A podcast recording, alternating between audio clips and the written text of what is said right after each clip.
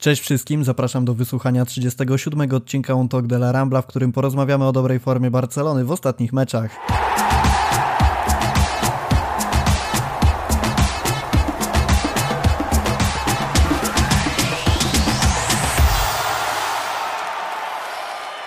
Ostatnie tygodnie z pewnością dostarczyły dużo tematów związanych z Barceloną, zarówno jeżeli chodzi o grę, jak również o takie kwestie zarządzania i kwestie finansowe. Tymi drugimi, czyli kwestiami finansowymi zajmują się równolegle z nami Błażej oraz Piotrek. Przygotowują naprawdę kawał dobrego materiału. Jak sami wiecie, jeżeli Błażej dorwie się do bilansów i do wszystkich innych tabelek i wykresów, to naprawdę może wyjść z tego naprawdę duża rzecz, dlatego oczekujcie tego. Dokładnie, tutaj w studiu obok przez ścianę z nami siedzą. Tak, dokładnie. Jeżeli nie chcecie, żeby ten materiał Wam umknął, nie chcecie go przegapić, to pamiętajcie o subskrypcji i będzie nam z tego powodu bardzo miło, jeżeli przyciśniecie ten magiczny guziczek. Także nie lękajcie się, e, potraktujcie to jako pay-per-view, żeby słuchać naszych materiałów. Jak już zdążyliście usłyszeć, jest ze mną dzisiaj Julia Cicha, siemanko. Hej. Porozmawiamy sobie o tym, co w murawie piszczy, czyli nawiążemy do tego, jak sprawuje się Barcelona w ostatnich meczach. Ronald Kuman powiedział na konferencji takie słowa, że jest dumny z charakteru zespołu i gry prezentowanej przez zawodników. Myślę, że to bardzo dobrze określa nastawienie drużyny w ostatnich spotkaniach. Też ciekawa sprawa, tak e, trochę wyprzedzę temat, ale ciekawa sprawa, bo słuchacie dwóch osób o skrajnie różnych podejściach, jeżeli chodzi o kibicowanie, to znaczy z jednej strony Julia i jej skrajny pesymizm do wyniku, czyli jeżeli w 30 minucie Barsa przegrywa 1-0, to Julia już 0-1, przegrywa się zawsze 0-1, Rafale. Dziękuję za tę poprawkę. Jeżeli Barcelona przegrywa niezależnie ile, to Julia już wie, że skończy się to totalną klapą. Z drugiej strony jest mój naiwny optymizm, czyli Czyli jeżeli jest 5 bramek więcej dla przeciwnika w 90 minucie, to ja nadal mówię, że warto poczekać do ostatniego gwizdka, bo może coś się zmieni. I A w dlatego... remontadę z że wierzyłeś przed y, powiedzmy 85 minutą? Tak. Okej. Okay. Dlatego myślę, że trafiliście na dwie dobre osoby, żeby posłuchać, jak porozmawiamy o tym, jakie szanse ma Barcelona w nadchodzącej konfrontacji z Sevillą w meczu jednej drugiej finału Pucharu Króla. No właśnie, czego oczekujesz od drużyny? Myślisz, że możemy liczyć na to, że dostaniemy się do finału, czy jednak jedna druga to jest koniec naszej przygody z tymi rozgrywkami?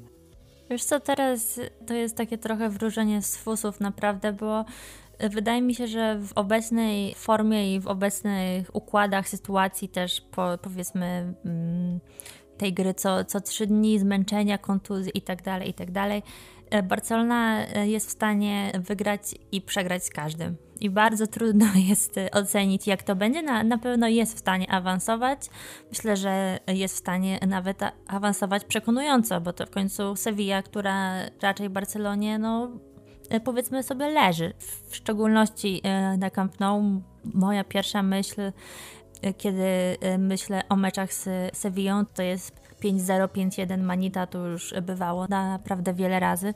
No ale jeśli chodzi o argumenty czysto sportowe, to myślę, że ten dwumecz e, powinien być wyrównany. I wbrew pozorom e, wydaje mi się, że e, Sevilla to trudniejszy rywal od Atletiku. Chociaż oczywiście ze względu na ostatnie perypetie, czy to w lidze, czy w Superpucharze, na Atletik nikt nie chciał trafić. No ale to nie jest tak, że ja jestem e, pesymistką przed meczem. Ja jestem pesymistką w trakcie meczu, e, kiedy źle, W okolicach idzie. dziesiątej minuty to się Nie, to zależy jak szybko zaczynają coś e, psuć i jak szybko się, się wszystko spieprzy. I chciałam zaznaczyć, że to podejście jest bardzo dobre, bo dzięki niemu cieszę się bazyliard razy więcej, ponieważ E, zawsze zakładam najgorsze, więc mogę się pozytywnie mm, zaskoczyć. Fakt, że niestety ja często bardzo negatywnie się zaskakiwałem, jak Barcelona odpadała i coś w tym jest. Natomiast no, może zostawmy na bok to, to podejście do meczów i, i dajmy, dajmy też pole do popisu naszym słuchaczom, jakie oni mają e, w tej kwestii zdanie, czy lepiej podejść ze skrajnym optymizmem, czy ze skrajnym pesymizmem, czy, czy jak ty to wolisz może nazwać realizmem, no nieważne. E, natomiast w kontekście meczu z Sevillą, to jeszcze jakbym miał o tym rozmawiać kilka tygodni temu, kiedy Barcelona prezentowała dużo gorszą formę, to szczerze mówiąc byłbym skłonny przejść blisko tej twojej strony, że rzeczywiście trzeba podejść trochę inaczej do tego spotkania i może nie wierzyć ślepo w awans. Natomiast to, co oglądaliśmy w ostatnich tygodniach, z pewnością napawa takim optymizmem. To znaczy, oczywiście mam na myśli remontadę w meczu z Granadą i remontadę w ligowym meczu z Realem Betis. Nawet nie chodzi o to, że Barcelona te mecze wygrała, jakim wynikiem się skończyły te spotkania, tylko mam na myśli podejście zawodników do tych, do tych meczów. To znaczy, widać było zaangażowanie, widać było to, że im się chce, widać było taki pazur, którego brakowało w ostatnich spotkaniach. I nawet kiedy ten wynik był niekorzystny, to mogliśmy liczyć na to, że tacy piłkarze jak De Jong, Pedri, Araujo, o którym sobie za chwilę też porozmawiamy, rzeczywiście pokazywali, że to zaangażowanie jest na bardzo wysokim poziomie, a na pewno dużo wyższym niż miało to miejsce wcześniej. I w tym naprawdę upatrywałbym największej szansy, że Barcelona awansuje. Z drugiej strony też jeżeli spojrzymy sobie na takie statystyki, że teraz mamy 6 wygranych z rzędu, a licząc tak naprawdę od dwóch ostatnich porażek, jakie miały miejsce w grudniu z Cadizem i z Juventusem, to mamy w sumie w 16 meczach 14 wygranych, remis i porażkę. To są naprawdę statystyki, które wydaje mi się gdzieś uciekają kibicom i są może nieco przyćmiewane przez, y, przez momentami gorszą grę, która, która gdzieś tam już powoli, powoli, powoli zaczyna zanikać, natomiast ciągle gdzieś występuje. No, ale szczerze mówiąc, jeżeli sobie tak na to spojrzymy na chłodno, no to rzeczywiście te wyniki Kuman zaczął osiągać bardzo dobre. I też jeżeli sobie spojrzymy na taką ciekawą statystykę, która gdzieś mi mignęła na Twitterze, że pierwszy raz w historii Barcelona w nowym roku wygrała 8 meczów z rzędu, które były meczami wyjazdowymi. Także no to, to wszystko się składa w taki bardzo ciekawy obraz tego, że rzeczywiście piłkarze Barsy wlewają nadzieję w serca kibiców. I też jestem ciekawy tego twojego podejścia do tego, że pierwszy mecz z Sevillą gramy na wyjeździe. Czy to jest raczej dobra wiadomość, czy wolałabyś, żeby ten rewanż był na stadionie Sevilli? Nie no, e, zawsze rewanż u siebie jest, jest lepszy, nawet bez kibiców. Mimo wszystko, no to, że Barcelona teraz e, zaliczyła te 8 wygranych z rzędu na wyjeździe, to jest raczej kwestia tego, że akurat e, tyle meczów wyjazdowych grała, co jest też bezprecedensowe i wydaje mi się, że to jest raczej wynik dobrej formy drużyny i że tak samo, albo nawet powiedzmy z, z większą łatwością E, wygrywałaby też u siebie, a przynajmniej taką mam nadzieję. No i właśnie fajnie wspomniałeś o tym, o tym nastawieniu, o tej e, woli walki, bo to jest coś, o czym e, mam wrażenie się za mało mówi. Trwała po Granadzie taka euforia przez jeden dzień, może maks dwa dni i przycichło. A dla mnie to był pierwszy raz od myślę dobrych dwóch lat, e, żeby nie e, skłamać, kiedy poczułam na, naprawdę taką, taką dziką radość z oglądania Barcelony. Nawet tam się gdzieś łezka w oku zakręciła, bo pomyślałam, że kurczę, to jest ten sport, w którym się wszyscy zakochaliśmy, a nie e, jakaś taka kopanina umartwiająca się droga krzyżowa. Do, do której nas przy, przyzwyczaili ostatnio, mm, niestety. Także to, że gramy już wracając do e, Twojego pytania e, na wyjeździe, e, pierwszy mecz raczej dużego zna znaczenia nie ma, ale o tyle to jest ciekawe, że poprzednio graliśmy z Betisem, także to są dwa mecze w Sewilli w przeciągu 3-4 dni. A mimo to Kuman nie zdecydował się, się tam pozostać na te parę dni i to oznacza mimo wszystko długie i częste podróże, co w pewien sposób się może odbić na, na e, drużynie. Trudno mi się odnieść do tego zostawania bądź nie, bo mamy tutaj do czynienia z takimi, wiesz, dwiema skrajnymi kwestiami, czy lepiej jest zostawić zawodników w Andaluzji i tym samym narzucić być może na nich pewnego rodzaju presję, że są już w tym miejscu, gdzie będzie rozgrywany mecz, a z drugiej strony, czy lepiej ich narażać na podróż, ale z kolei dać im wypocząć w rodzinnych domach, przy żonie, dzieciach i tak dalej. No jakby No właśnie Kuman e, powiedział, że, że oni są przyzwyczajeni do e, tego i mają swoje rutyny i wolą spać we e, własnym domu i ja mu jakby wierzę, no nie byłam nigdy profesjonalnym sportowcem, więc nie odniosę się do tego w jakiś bardziej merytoryczny sposób, ale z pewnością jest to kwestia, którą, którą też trzeba mieć w jakiś sposób na uwadze. A kwestią, którą musimy mieć na uwadze, to jest zestawienie linii obrony. Biorąc pod uwagę, że obecnie w kadrze znajduje się Roberto Desmingeza, Pique Araujo, Lengleun, Titi Alba i Firpo, a lista wykluczonych zawodników na następne mecze brzmi prawie identycznie, bo Roberto prawdopodobnie będzie pauzował około miesiąca po kontuzji mięśnia czworogłowego. Dest nadal odczuwa jakiś dyskomfort. Pique, tak jak wiemy, między innymi z jego urodzinowego tweeta, dopiero wraca do treningów. Araujo ma skręcenie stawu skokowego. O tutaj też pozdrowienia dla Robertinho, który na La Rambli zaznaczył, że skręcenie stawu skokowego to nie jest skręcenie kostki. Pozdrawiamy serdecznie Roberta. Umtiti, czy on jest kontuzjowany, czy on nie jest kontuzjowany, to tak naprawdę trudno powiedzieć, bo ja mam wrażenie, że on jest wiecznie kontuzjowany, tylko czasem udaje mu się przeboleć te mecze i jakoś nie zejść z boiska. Jak twoim zdaniem powinna wyglądać linia obrony na ten nadchodzący mecz? Wiesz co, ja myślę, że tu się wszystko rozejdzie o to zdrowie Desta, czy on będzie w stanie zagrać, czy nie, bo w przypadku, kiedy Dest y, będzie gotowy, no to on zagra na prawej obronie, a na środku zobaczymy Lengleta z Bingesą, to jestem prawie pewna, że tak to będzie wyglądało. I mimo wszystko myślę, że będzie to lepsza opcja niż Lenglet z Umtiti.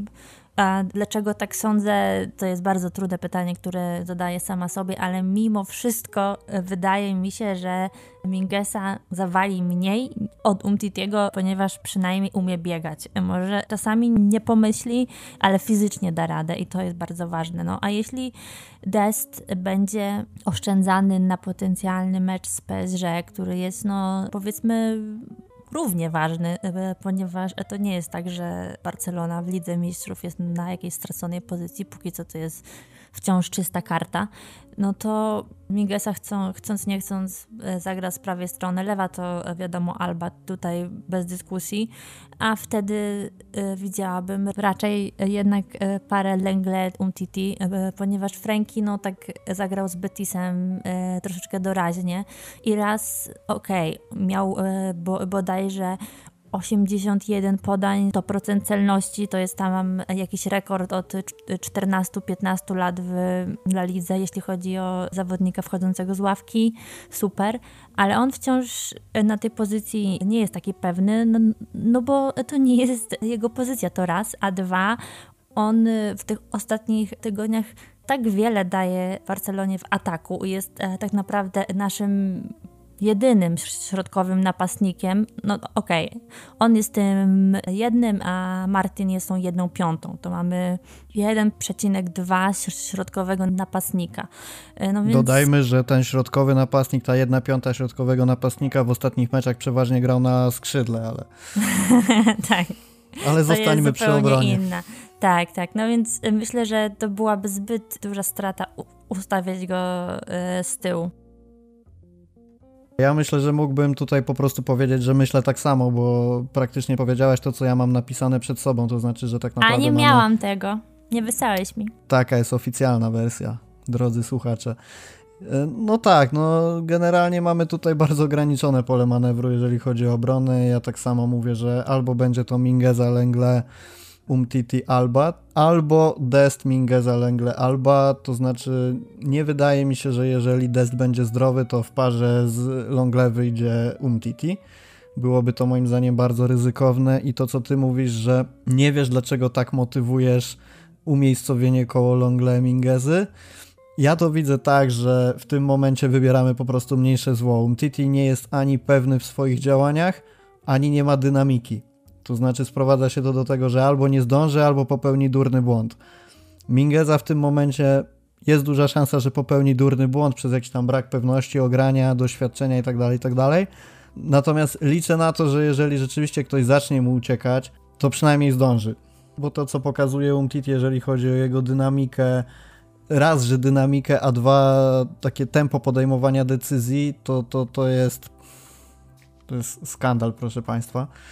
Natomiast jeżeli chodzi o Desta, no ja mam nadzieję, że on mimo wszystko będzie zdrowy, zagra, że to oszczędzanie go teraz z Realem Betis było po coś i nie po to, żeby oszczędzać go dalej, tylko rzeczywiście wykluczyć jakiekolwiek ryzyko, że w tych nadchodzących meczach może mu się odnowić kontuzja, tak jak miało to miejsce w przypadku Roberto. Co do De Jonga na środku obrony, też się zgadzam. Być może byłoby to o tyle dobre rozwiązanie w kontekście wyprowadzania piłki, bo De Jong umie to perfekcyjnie, natomiast myślę, że w meczu z Sewillą równie ważne co atakowanie będzie bronienie. Niestety tak się złożyło, że też będziemy musieli bronić. I nie, niestety... niemożliwe w meczu piłki nożnej bronić? Tak, tak. Taki scenariusz przewiduje na to spotkanie.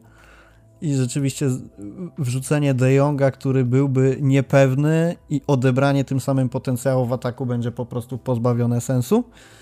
Natomiast przyszła mi jeszcze do głowy jedna rzecz, zobaczymy co powiesz na to. Jakby wrzucić Busquetsa na środek obrony. Słucham, słucham za i przeciw, albo raczej przeciw i przeciw. Ale y, to wtedy ta obrona będzie pięcioosobowa, mam nadzieję, bo rozumiem, tak naprawdę to nie ma znaczenia, czy on będzie stał i psuł w obronie, czy stał i psuł w pomocy.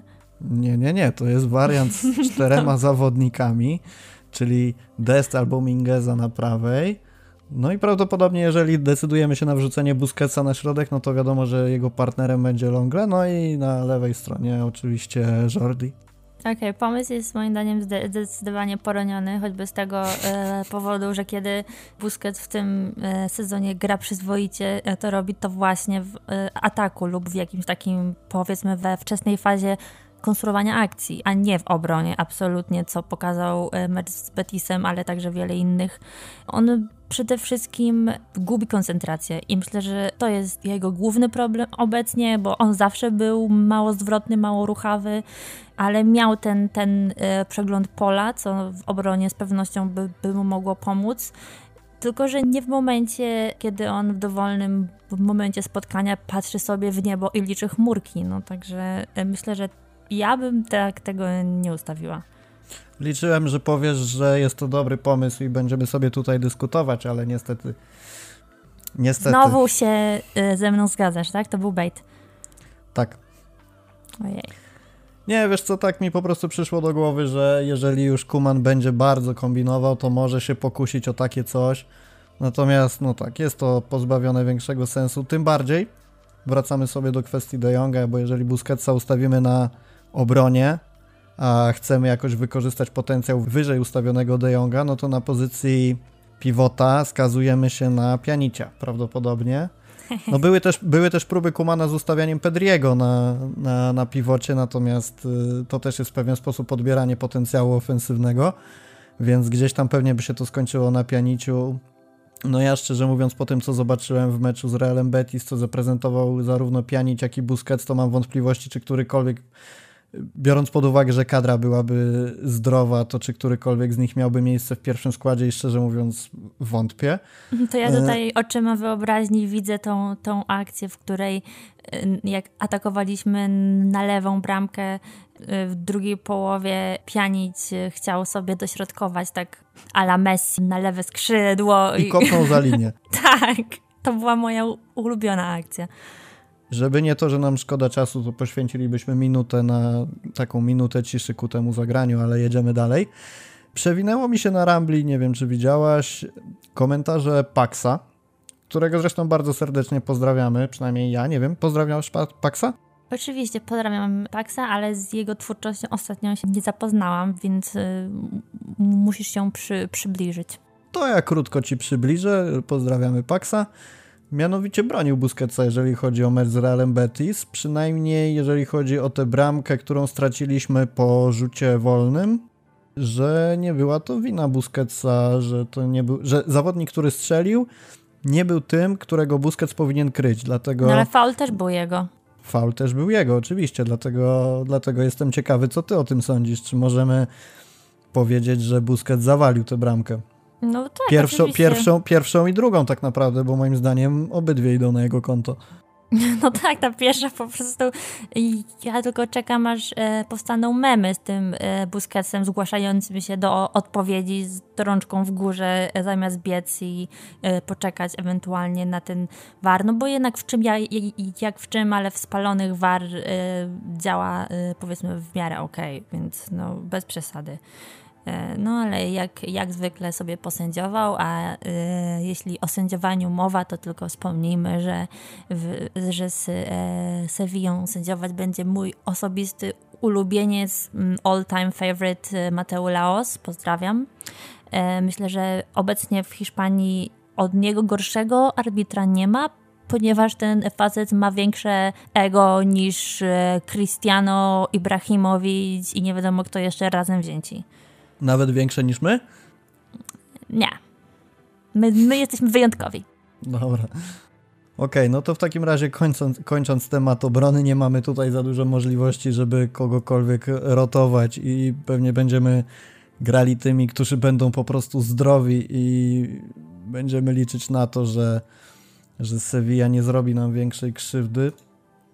A krzywdę ma kim robić, bo mo, może ten Ocampos rzeczywiście jest kontuzjowany i to jest dla nas w miarę dobrze, dobra wiadomość, o tyle Enne-Siri, no 13 goli w lidze, na, najlepszy zawodnik stycznia, na pewno, na pewno gdzieś tam ten strach budzi. Natomiast zobaczymy. No, ja szczerze mówiąc liczę, że jeżeli jeżeli rzeczywiście wyjdzie ten duet Longleum Titi albo ktokolwiek inny w tym duecie z Longle, no to, to rzeczywiście dadzą radę tą motywacją i zaangażowaniem, o której wspomnieliśmy na początku podcastu. Ja myślę, że tutaj trzeba krótko, trzeba po prostu strzelić więcej niż stracimy, bo, bo coś stracimy na pewno. O, i tutaj super, że tak powiedziałaś, bo płynnie sobie przechodzimy do ataku. Pan, który będzie odpowiedzialny między innymi za strzelanie bramek to... Trinko! Kto? Nie, o nim później. Masz jeszcze drugą szansę. Nie no, Messi, wiadomo. Nie, tam Messi. Nie, tam o, Messi, o Messi jeszcze później. Griezmann. Griezmann, Griezmann już... 7 goli, 6 asy tak. w 11 meczach tego roku. Opracował trudną sztukę strzelania gola bramkarzem i rywalem, także mm, tutaj szacun. Dokładnie, dokładnie.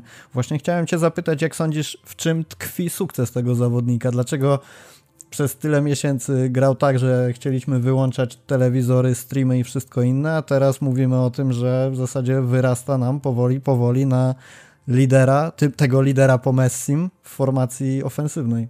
Skąd ta zmiana? Mm, wiesz co, raz psychika na pewno się, się e, przełamał i to wyraźnie widać też e, po jego takich e, zwykłych boiskowych reakcjach, a dwa, tutaj nie jestem pewna, czy ja to wymyśliłam sama, czy ja to gdzieś usłyszałam, więc teraz nie będę sobie przypisywać tak na 100% mądrych treści, jak Ale, chcesz powiedzieć o kontuzji Coutinho, to tak, nie jest tak. twój pomysł. Nie, to nie jest mój pomysł, widzisz. Nie, tak, właśnie ja o tym chcę czytałem. powiedzieć. No. Napisał no. to Michał Gajdek na Twitterze, pozdrawiamy, Adriana A, też. Okej, okay, dobra, w takim razie wspomnimy tylko, że stadiony Cornei i Espaniolu dzieli od siebie niecałe 100 metrów, pozdrawiamy. tak, no i to, a, ale to jest moim zdaniem bardzo trafne e, właśnie, że dla dwójki z trójki Griezmann, Messi, Coutinho jest miejsce e, na boisku i od momentu kontuzji Coutinho wszystko zaczęło funkcjonować o wiele lepiej. I chyba tak rzeczywiście jest. I jeśli e, dobrą formę e, Griezmana, Griezmana, który w końcu będzie liderem na boisku, okupimy sprzedaniem Coutinho czy coś takiego, no to ja to akurat biorę w ciemno. Znaczy sprzedanie Coutinho to jest moim zdaniem obowiązek bez względu na formę Griezmana, biorąc pod Ale uwagę... Ale część mówi, że Griezmana też. Aha. Sprzedać. No z tej dwójki to teraz na wylocie na pewno jest bardziej Coutinho, ale jeżeli pojawiłaby się jakaś fajna oferta za Griezmana, no może, z, może mniej chętniej niż kilka tygodni temu bym go sprzedał. Może rzeczywiście otworzył mi trochę oczy i jest szansa na to, że polubimy się. Natomiast no, jeżeli na stole w gabinecie Barcelony pojawiłoby się takie 120 milionów za niego, to no myślę, że podpis sam się tam. Na 120 milionów robi. to w Barcelonie by własną matkę sprzedali obecnie. No tak. Znaczy, co do tego, czy to jest kwestia Coutinho, moim zdaniem nie jest to aż tak priorytetowy, najważniejszy powód jego dobrej formy. Myślę, że to bardziej jest kwestia tego, że jeżeli już mu się udało strzelić raz, drugi, trzeci, rzeczywiście były to ważne bramki, to po prostu się odblokował psychicznie, a kwestia Coutinho jest tutaj mimo wszystko drugorzędna. Z drugiej strony, mm, jeżeli mówimy o Coutinho, to myślę, że warto też wspomnieć o Pedrim, bo gdzieś też ta współpraca drużyny zaczyna się zazębiać i to, co sobie oglądaliśmy na początku tego sezonu, takie grafiki były często wrzucane, jak są ustawieni zawodnicy Cztery dziesiątki. Cztery dziesiątki, jeszcze gdzieś tam podłączający się pod nich Busquets, gdzie, gdzie tak naprawdę w środku pola była cała drużyna i sądzę, że też właśnie odnalezienie się Pedriego na boisku znaczy może odnalezienie się to jest zły pomysł, bo on od początku był odnaleziony, tylko lepsze zrozumienie się z Griezmannem, o tym myślę. Myślę, że też pomogło. Też, ten, też, też dobra gra z Messim, to na pewno jest kluczowe. I, I to wszystko składa się na obraz tego, że rzeczywiście Griezmann odpalił w bardzo dobrym momencie, bo, bo kiedy jak nie teraz, kiedy drużyna naprawdę go bardzo potrzebuje.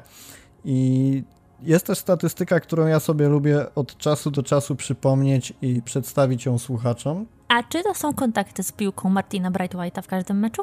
Kontakty Brightwhite'a z piłką to ja liczę na palcach jednej ręki i szczerze mówiąc zaczyna mnie już to coraz bardziej irytować, bo jak Brightwhite jest na boisku, to mam wrażenie, że to jest Andre Gomes 2-0 i już naprawdę do, dochodzę do wniosku, że podobnie reaguje na tego piłkarza, ale nie mam... Nie, może nie w tym podcaście, może poświęcimy mu specjalny odcinek. Natomiast ta statystyka, o której wspomniałem, to są y, gole, jakie Griezmann strzela, natomiast y, nie sama statystyka, ile ich jest, tylko w jakich momentach je strzelał. To znaczy, obecnie Griezmann ma 27 goli na koncie. Końcówki meczów, nie? Wiesz co, nie wiem jak to wygląda minutowo, szczerze mówiąc, ale 5 z nich dało Barcelonie remis, a 16 razy swoimi bramkami wyprowadzał Barcelonę na prowadzenie. I to nam daje w sumie 21 bramek, które gdzieś padały przy stykowym wyniku albo na remis, albo na wyjście na prowadzenie. I de facto 6 z nich było tylko, no nazwijmy to może tak brzydko, bez znaczenia na podwyższenie wyniku, natomiast oczywiście nie, nie jest tak, że one nie miały znaczenia, ale wiesz, gdzieś tam na 4-0 i tak dalej, i tak dalej. I no tutaj, o ile możemy się kłócić, czy, znaczy o ile możemy mówić o tym, że Francuz spisywał się od początku przygody z Barceloną słabo i gdzieś te jego popisy nie do końca wyglądały ciekawie, znikał na całe mecze i tłumaczyliśmy jego słabą formę tym, że on przecież pracuje dla drużyny i udziela się w obronie, co dla mnie jest bzdurą. Znaczy nie to, że, że pracuje, bo pracuje, ale usprawiedliwianie słabej formy pracą jest bzdurą. O tyle rzeczywiście te bramki, jak już strzela, to strzela bardzo ważne. Z jednej strony tak, ale z drugiej, gdybyś y, spojrzał i policzył w tym sezonie mecze, w których Barcelona wy, wygrała różnicą więcej niż jednej bramki, to byłoby ich mniej niż 10, moim zdaniem. No tak, ale czy to w jakiś sposób umniejsza tej statystyce? No nie, ale sprawia to, że siłą rzeczy trudno mu było strzelać na podwyższenie wyniku, y, kiedy w większości te spotkania się na styku kończą właśnie. No ja mam na myśli to, że się kończą na styku dzięki temu, że on strzela. To znaczy jest 1-1 i Griezmann strzela na 2-1. To jest moim zdaniem dużo. No, no tak, Jeżeli tak. zrobił to aż 16 razy z 27 goli. Tak.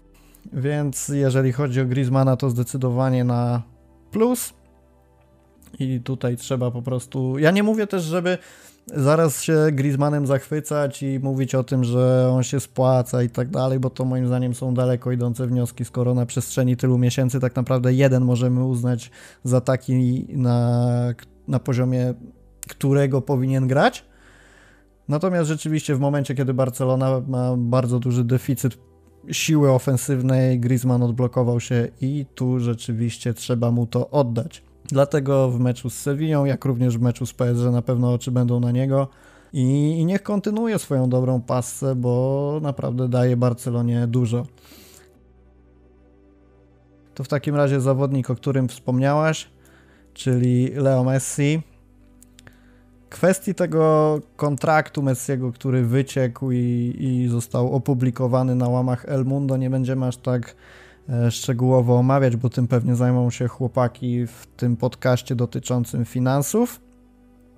Natomiast nie możemy nie wspomnieć o tym, że swoją grą odpowiedział chyba najlepiej jak mógł na te wszystkie przecieki, krytykę odnośnie wysokości jego zarobków. No człapie, no po prostu czy to od pierwszej minuty, czy z ławki rezerwowych człapie. Dzięki niemu Barcelona też zaczyna trochę człapać i jakimś dziwnym trafem doczłapuje się do jak najlepszych wyników i e, zupełnie innej gry. No, tutaj oczywiście wszelkie e, frazesy typu, że gdyby mi tyle płacili, to bym też tak grała. No tak, oczywiście.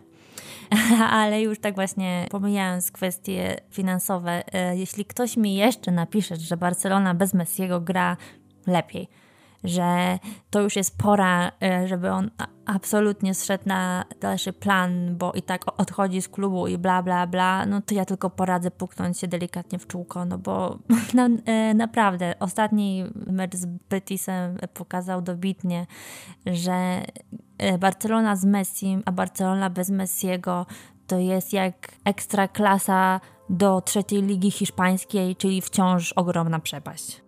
Tak, to w meczu z Realem Betis było zdecydowanie bardzo dobrze widać, jak zmieniło się oblicze gry Barsy. I to tak naprawdę to nie było nawet to, że oni potrzebowali 10-15 minut, żeby tę grę zmienić. On, on wszedł w okolicach 57, dobrze pamiętam? Tak. 57 i w zasadzie w moment było widać, jak diametralnie zmienia się gra Barcelony, poruszanie się zawodników, zaangażowanie. Też znowu to, do czego wracamy, to zaangażowanie.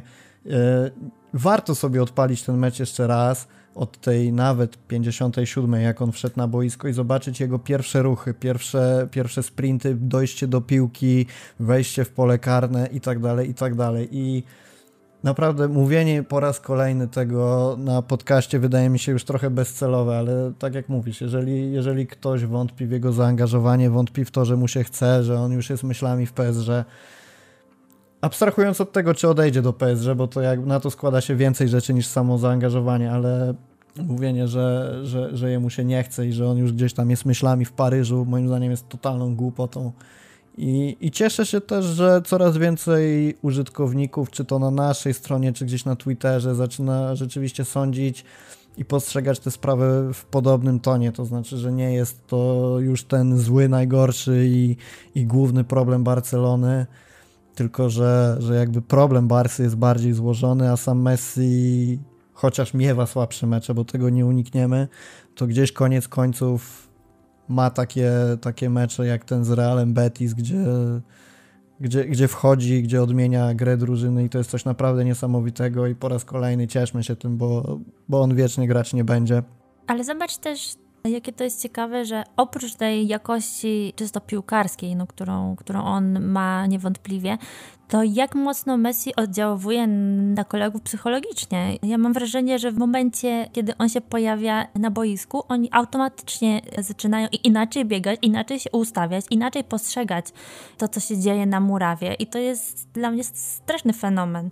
A z drugiej strony przeczytałam też dzisiaj, wiadomo, że no to są domysły gazet pewnie na podstawie ruchu Wark czy coś takiego, ale ponoć Messi miał pod koniec meczu z Betisem powiedzieć Trincao, że ma do niego nie podawać tak często, tylko że ma spróbować uderzyć w kolejnej akcji, tam, że się ma odważyć w tym stylu coś.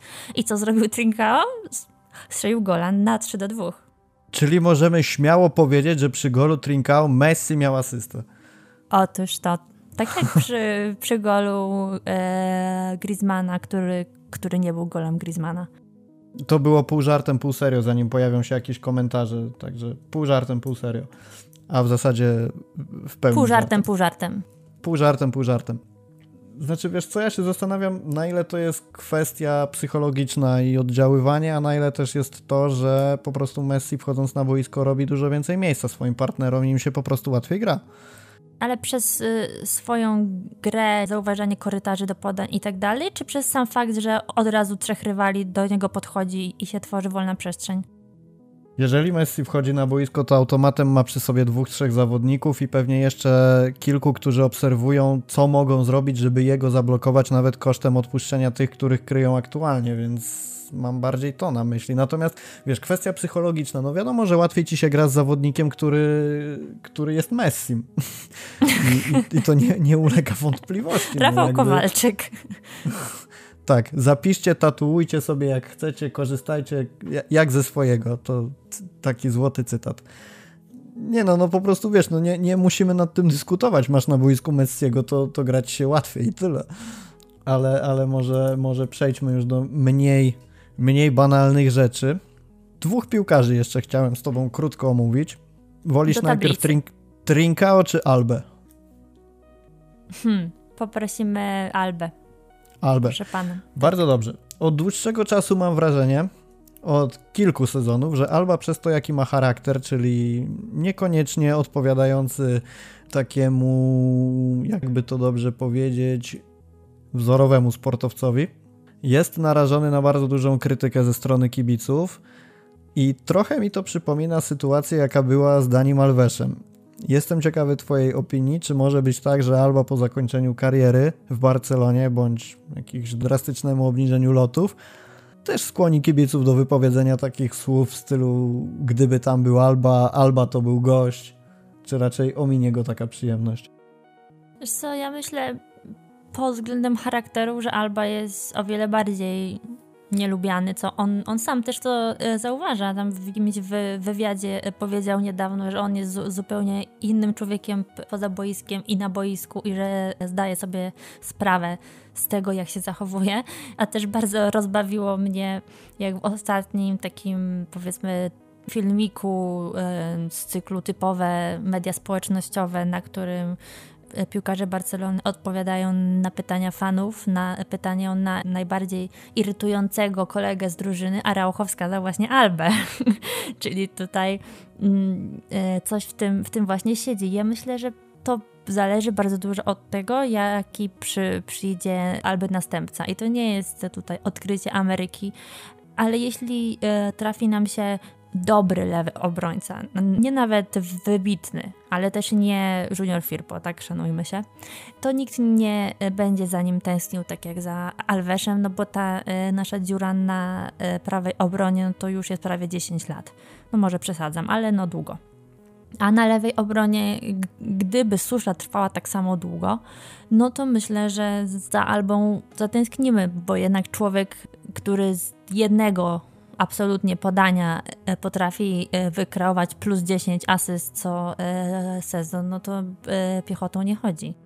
A nawiązuje do tego oczywiście dlatego, że Alba dał prawdziwy popis w meczu z Granadą. Nie mówię tylko o asystach, ale najpierw gol głową, który jak sam określił, był jego jedynym lub jednym z niewielu strzelonych w taki sposób potem fenomenalny naprawdę wolej i po tym meczu dało się wyczuć u nas na Rambli dużo komentarzy mówiących o tym, że Alba jest dobry, że Alba to świetny lewy obrońca, że takiego jak, jak on to ze świecą szukać i tak dalej, i tak dalej. I no przyznam szczerze, że poczułem takie ukłucie satysfakcji, że w końcu ten Alba jest doceniony bo, bo mam wrażenie, że mimo wszystko bardzo często pomija się jego duży wkład w sukcesy Barsy od bardzo dawna. Znaczy sukcesy może nie mierzone liczbą pucharów, bo w ostatnich latach nie było tego za dużo, natomiast w pojedynczych meczach. I bardzo dobrze to widać w momencie, jak na boisko wchodzi pan, o którym wspomniałaś, czyli Junior Firpo, który przecież w Realu Betis spisywał się naprawdę bardzo dobrze, a w Barcelonie nie może się odnaleźć. Dlatego ja, ja z nieskrywaną satysfakcją bardzo się cieszę z tego, że, że gdzieś Alba świętuje swoje dobre dni i, i ta opinia o nim w jakiś sposób może się nie zmieniła, natomiast że, że został dostrzeżony jako jeden z ojców sukcesu tej remontady, bo oczywiście musimy tutaj powiedzieć o Griezmannie, Messim, De Jongu, Pedri, Maraucho i całej reszcie, natomiast rzeczywiście bardzo duży wkład miał w to Alba i, i trzeba o tym wspomnieć. Co do drugiego z zawodników, o, którym, o którego chciałem Cię zapytać, czyli Trincao, przestałem liczyć mecze i minuty bez gola, bez asysty, jakie miał Portugalczyk. 26. Strzelił w, w 27. Okej, okay, czyli strzelił w 27 meczu. Dzięki wielkie za przypomnienie. Tym samym nieco odpowiadając krytykom jego gry na to, że nie powinien być przez Kumana wprowadzany. Z drugiej strony Kuman z wielką radością przyjął tę fenomenalną bramkę, bo, bo poza tym, że on strzelił, no to dodajmy, że był to gol na wagę trzech punktów I do tego gol naprawdę ładnej urody, bo, bo takie uderzenia w stylu Adriano, który kiedyś szalał nas na obronie, nie zdarzają się często w przypadku Barcelony. E, sądzisz, że to jest raczej wypadek przy pracy, czy raczej początek jego dobrej gry w Barcelonie? No tutaj e, bardzo dużo zależy od tego, czy mu coś w głowie przeskoczy, co się w ostatnich latach mówi. E, no bo z jednej strony to mu na, na pewno doda pewności siebie i sam fakt, że, że, że trener w niego wierzył e, aż tak długo, pomimo tych niepowodzeń, no e, to jednak było prawie tysiąc minut bez gola, co dla napastnika no, jest strasznym wynikiem. Prawie jak Suarez na wyjeździe w Lidze Mistrzów ale no też nie ukrywajmy, że trener nie za bardzo miał kogo wprowadzać z tej ławki, kiedy chciał zmieniać napastników, tak? Ale no chcąc, nie chcąc, tak wyszło. Trinkao grał, grał dużo i w końcu trafił do siatki. I myślę, że, że dla tak młodego zawodnika to może mieć bardzo duże znaczenie. No tylko właśnie pytanie, czy on teraz odzyska tą, tą swoją, powiedzmy, wersję z poprzedniego sezonu, czyli przede wszystkim powinien e, wrócić do podejmowania dobrych decyzji, do y, odpowiedniej oceny, kiedy dryblować, a kiedy podać, a kiedy uderzyć. I myślę, że jak opanuje te takie podstawowe umiejętności, to już to, czy dany strzał będzie celny, czy, czy nie, to będzie kwestia drugorzędna, ponieważ on się zacznie realnie przydawać drużynie, czego też brakowało w ostatnich tygodniach. Mam jedną obawę co do Trinkao, szczerze mówiąc, i to jest to, że jeżeli on w kolejnych meczach będzie grał słabo, to że tym golem zasłużył sobie na bardzo duży kolejny kredyt zaufania ze strony Kumana, tym samym ograniczając szanse gry Konrada de la Fuente i Kojado. To znaczy, ja nie mam nic przeciwko, żeby Trinkao zaczął grać bardzo dobrze. To jest jakby bardzo mile widziane przez nas wszystkich Natomiast nie chciałbym takiej sytuacji, że w momencie, kiedy on będzie bezużyteczny na boisku, jak zdarzało się to przez kilka, kilka, nie kilkanaście meczów, to że będziemy teraz czekać na jego kolejnego gola. I, I, tego bardzo chciałbym uniknąć, żeby, żeby Kuman podszedł do tego po prostu bardzo zdroworozsądkowo, to znaczy oceniał rzeczywiście to, co Trinkao robi, a nie liczył przez kolejne tysiąc minut na to, że kolejny gol wpadnie. To jest jedna rzecz, a druga rzecz jest taka, że ja szczerze mówiąc pamiętam też takich piłkarzy jak Teo, Deulofeu, Malcolm i, i pewnie jeszcze kilku innych by się znalazło, łącznie z Jeffrenem czy Kłenką i, i pewnie moglibyśmy tak sobie przypominać i przypominać. Czyli zawodników, którzy też byli generalnie nie, niekoniecznie na miarę Barcelony, ale gdzieś tam się ich wpuszczało, dawało im się te szanse, oni czasem odpłacili się golem i tak się męczyliśmy. No tak jak e, przeczytałam tam gdzieś w czeluściach Twittera, że e, w końcu Andre Gomes też miał kiedyś asystę w El Clasico. Właśnie o tym mówię. I trochę się tego obawiam, że bardzo czekamy na najlepszą formę Trincao. Teraz oczywiście wielkie gracias za tego gola i trzy punkty, natomiast żeby się nie okazało, że, że po prostu będziemy tak go, znaczy my, że Kuman będzie go wpuszczał, wpuszczał, wpuszczał, wpuszczał, a, a koniec końców gdzieś tam e, w letnim oknie, może nie w tym sezonie, ale w kolejnym odejdzie na wypożyczenie do jakiejś drugiej ligi tureckiej i tyle o nim słyszeli mam też problem taki z tym zawodnikiem, że z jednej strony widać po nim dużą chęć pokazania tego, co potrafi, a z drugiej strony taką niepewność w jego zagraniach. Natomiast no, to też chyba sobie rozmawialiśmy w którymś podcaście, nie wiem czy z Błażejem, czy jeszcze dawniej z y, Piotrkiem Guzińskim, że ten pierwszy sezon mimo wszystko będzie sezonem przejściowym i nie możemy od niego oczekiwać, w sensie nie możemy od Trinka oczekiwać, że już w pierwszym sezonie będzie starym wyjadaczem jak Pedri, bo, bo, bo, bo, też mamy przykład De Jonga, który potrzebował ile tysięcy minut, żeby wskoczyć na swój najlepszy poziom. Także z jednej strony, z jednej strony naprawdę bardzo się cieszę, że się przełamał, bo, bo potencjał ma naprawdę niesamowity i na pewno by się przydał, czy to w kontekście pierwszego składu, czy zastępowania Dembele jakoś regularnie, z regularnymi, wymiernymi efektami w postaci asyst i goli. A z drugiej, no gdzieś na Malcoma też bardzo długo liczyłem, a koniec końców skończył w Rosji i, i, i, i, nie był to na pewno udany transfer. Ja tam bardzo tęsknię za Carlesem Perezem i mi się łamie serduszko zawsze, nie, kiedy no, Car- o, o Carles nim Perez to jest, to jest temat niesamowity. Nie, nie do końca rozumiem, jak można było oddać takiego zmiennika, ale, ale to też sobie właśnie z Błażejem powiedzieliśmy przy okazji podcastu o Konradzie i o Aleksie Kojado, że był to zawodnik gotowy już na bycie tym pierwszym zmiennikiem, jeżeli chodzi o ofensywę, a, a gdzieś niekoniecznie też powody czysto sportowe zadecydowały o tym, że musiał odejść i, i, i no niestety i taka sama sytuacja była z Mączu i, i pewnie jeszcze nie raz w podobnej sytuacji się znajdziemy. Chcesz coś jeszcze dodać do, naszych, do naszego podcastu? Coś może pozdrowić kogoś, poruszyć jakiś temat?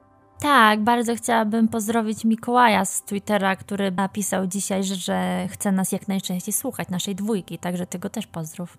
Pozdrawiam bardzo serdecznie Mikołaja. Pozdrawiam wszystkich, którzy nas dzisiaj wysłuchali. Jeżeli macie pomysły na jakieś kolejne podcasty, chcielibyście o czymś posłuchać, interesuje Was nasze zdanie na jakiś temat, to serdecznie zapraszamy, żebyście się podzielili z nami tym pomysłem pod hashtagiem UTDLaRambla u nas na Rambli, w komentarzach pod artykułami, na Twitterze, na YouTubie. My Was znajdziemy, na pewno nie ucieknie nam żaden hashtag. Jednocześnie zapraszam do przesłuchania podcastu Błażeja i Piotrka, który, którzy już, już tam smażą naprawdę coś grubego I, i ja sam jestem ciekawy, co Błażej odkrył w tych wszystkich tabelkach, cyferkach, bo, bo chłop ma wiedzę jak mało kto, jeżeli chodzi o kwestie finansowe, także zachęcamy sprawdzać nasz kanał, zachęcam sprawdzać fcbarsa.com, gdzie jak wiecie znajdziecie wszystko, czego e, piłkarska dusza zapragnie. Dzisiaj była ze mną Julia Cicha. Dzięki. I ja również Ci dziękuję z całego serduszka, że zgodziłaś się nagrać. Ja nazywam się Rafał Kowalczyk, zachęcam do słuchania kolejnych odcinków i do usłyszenia na razie.